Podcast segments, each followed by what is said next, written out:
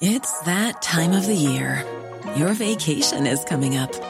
You can already hear the beach waves, feel the warm breeze, relax, and think about work.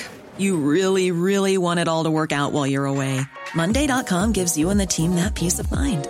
When all work is on one platform and everyone's in sync, things just flow wherever you are. Tap the banner to go to Monday.com. Ready to pop the question? The jewelers at BlueNile.com have got sparkle down to a science with beautiful lab grown diamonds worthy of your most brilliant moments. Their lab grown diamonds are independently graded and guaranteed identical to natural diamonds, and they're ready to ship to your door. Go to BlueNile.com and use promo code LISTEN to get $50 off your purchase of $500 or more. That's code LISTEN at BlueNile.com for $50 off. BlueNile.com code LISTEN. Velkommen til aksjepraten her i Finansavisen. Med meg har jeg aksjekommentator Karl Johan Molnes. Og Karl Johan, nå er det siste dag i resultatsesongen. Vi, skal, vi, kan vel starte med å snakke om Avans Gass, som har lagt frem en relativt sterk rapport og er litt opp.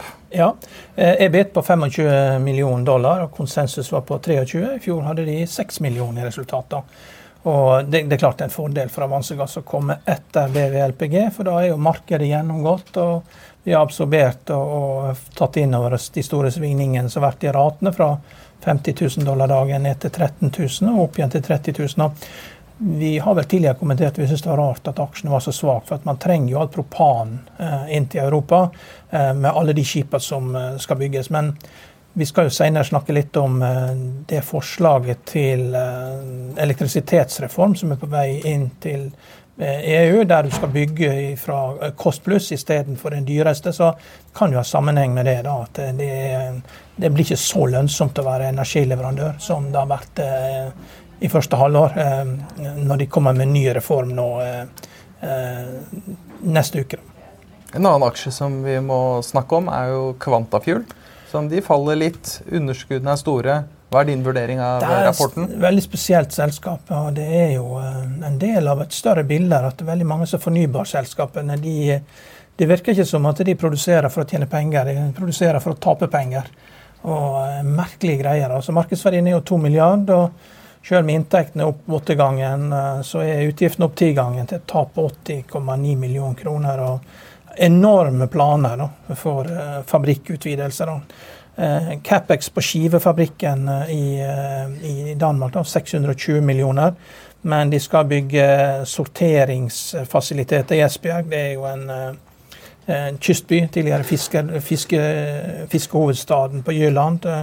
160 000 tonn. De har planlagt fabrikker i Dubai, Sunderland, Amsterdam.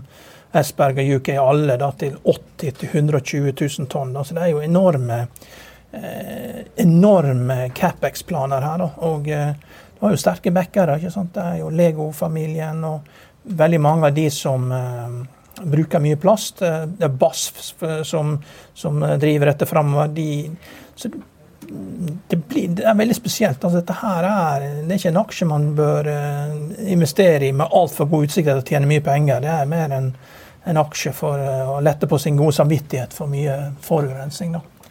Så det er veldig spesielt. De sier jo sjøl de skal tjene mye penger, da, men det, det, er vanskelig å se. Altså. De, de, snakker om cashflow på 70 millioner kroner, men det er vanskelig å se at du skal klare å trylle det ut av dette her. Altså. Det, på den skivefabrikken. Men det, det, er jo lov å håpe. Mm. Og prisingen i dag, hva, har du noen tanker om det når du ser opp mot planene? Jeg vet ikke. To milliarder i markedsverdi eh, for en fabrikk eh, som har kosta 620 millioner og masse planer. Det er jo, det er jo, det er jo priser dersom, eh, dersom de, de, som har satt inn pengene, mener det bør være priser. og og Det skal jo hentes mye penger videre framover også for å gjennomføre den ekspansjonen som skal skje. Så det, det er spesielt. Og, og jeg, har nok, jeg, har ikke nok greie på det til å skjønne at dette her skal bli lønnsomt. Det, det har jeg ikke, nei. Så må vi snakke om eh, strøm. Ja. Og der eh, har jo da EU-kommisjonens eh, e president Ursula von der Leyen hun har jo sagt at det, det skal komme emergency measures, da, at man skal bygge opp prisene på elektrisitet. Det skal, det skal frikobles da fra det dyreste prisingen som får fuel, som er gass, og at man skal skal bygge det opp da med kost pluss fra bunnen. Hver enkelt type elektrisitet skal rapportere inn. Da blir jo markedet regulert. altså Du får en strømpris som da blir et vekta gjennomsnitt, sannsynligvis. og Det det vel koste å produsere. Og Da er jo det veldig spesielt. da Hva skjer med de norske strømkablene i et sånt system? Hva koster det å produsere norsk vannkraft? Det er 35 øre. Eh, og så får du et kost pluss på det. Eh, så da vil jo ikke, Det er ikke sikkert det vil gå så mye strøm da, til Europa. Men men eh, det er vanskelig å se for seg at dette skal kunne skje uten at det blir noe bråk. Eh, og at det, eh, Hvis vi får reglene for EU, vil de gjelde for Norge også? Eller vil det, vil det være sånn at de krever strømmen vår til Og at vi da fortsetter å levere til, til gasspriser, og at vi får strømpriser som er på at det ikke blir noe endring i Norge. Og Hvis det skjer, samtidig som prisene faller kraftig i Europa, så blir det enda mer bråk enn det vi har hatt. Så det er en veldig stor politisk eh, usikkerhet rundt dette. her.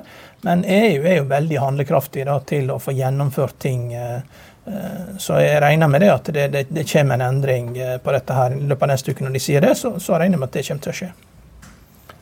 Så, og vi snakker litt om sol også. Ja, vi må Sol, ja, Sol. Først Solar har jo sagt at de skal bygge en solpanelfabrikk eh, i eh, sydvestlige deler av USA til 1 milliard dollar. Og de skal bruke et sted mellom 100 og 150 millioner dollar og oppgradere solpanelfabrikken sin i Ohio. Det er jo den eneste solpanelfabrikken som er i eh, USA.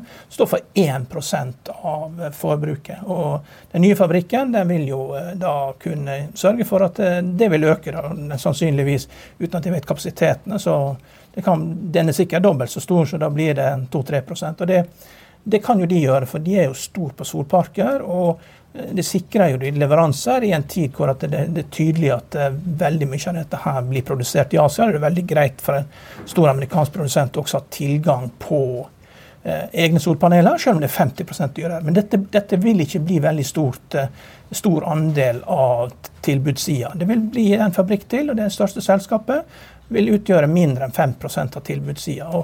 For Exilicon da å gå hele veien og gå fra eh, polysilisium via ingot og wafers til å få sin egen fabrikk og for å produsere ting som er 50-100% dyrere, når du kan importere solpaneler har egne fabrikker også i Sydøst-Asia, uh, doesn't make any sense. Altså. Så det Rex Silicon er fortsatt en veldig farlig aksje.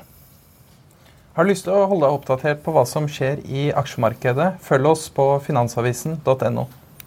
Økonominyhetene er en podkast fra Finansavisen. Programledere er Marius Lorentzen, Stein Ove Haugen og Benedikte Storm Bamvik. Produsenter er Lars Brenden Skram og Bashar Johar. Og ansvarlig redaktør er Trygve Hegnar.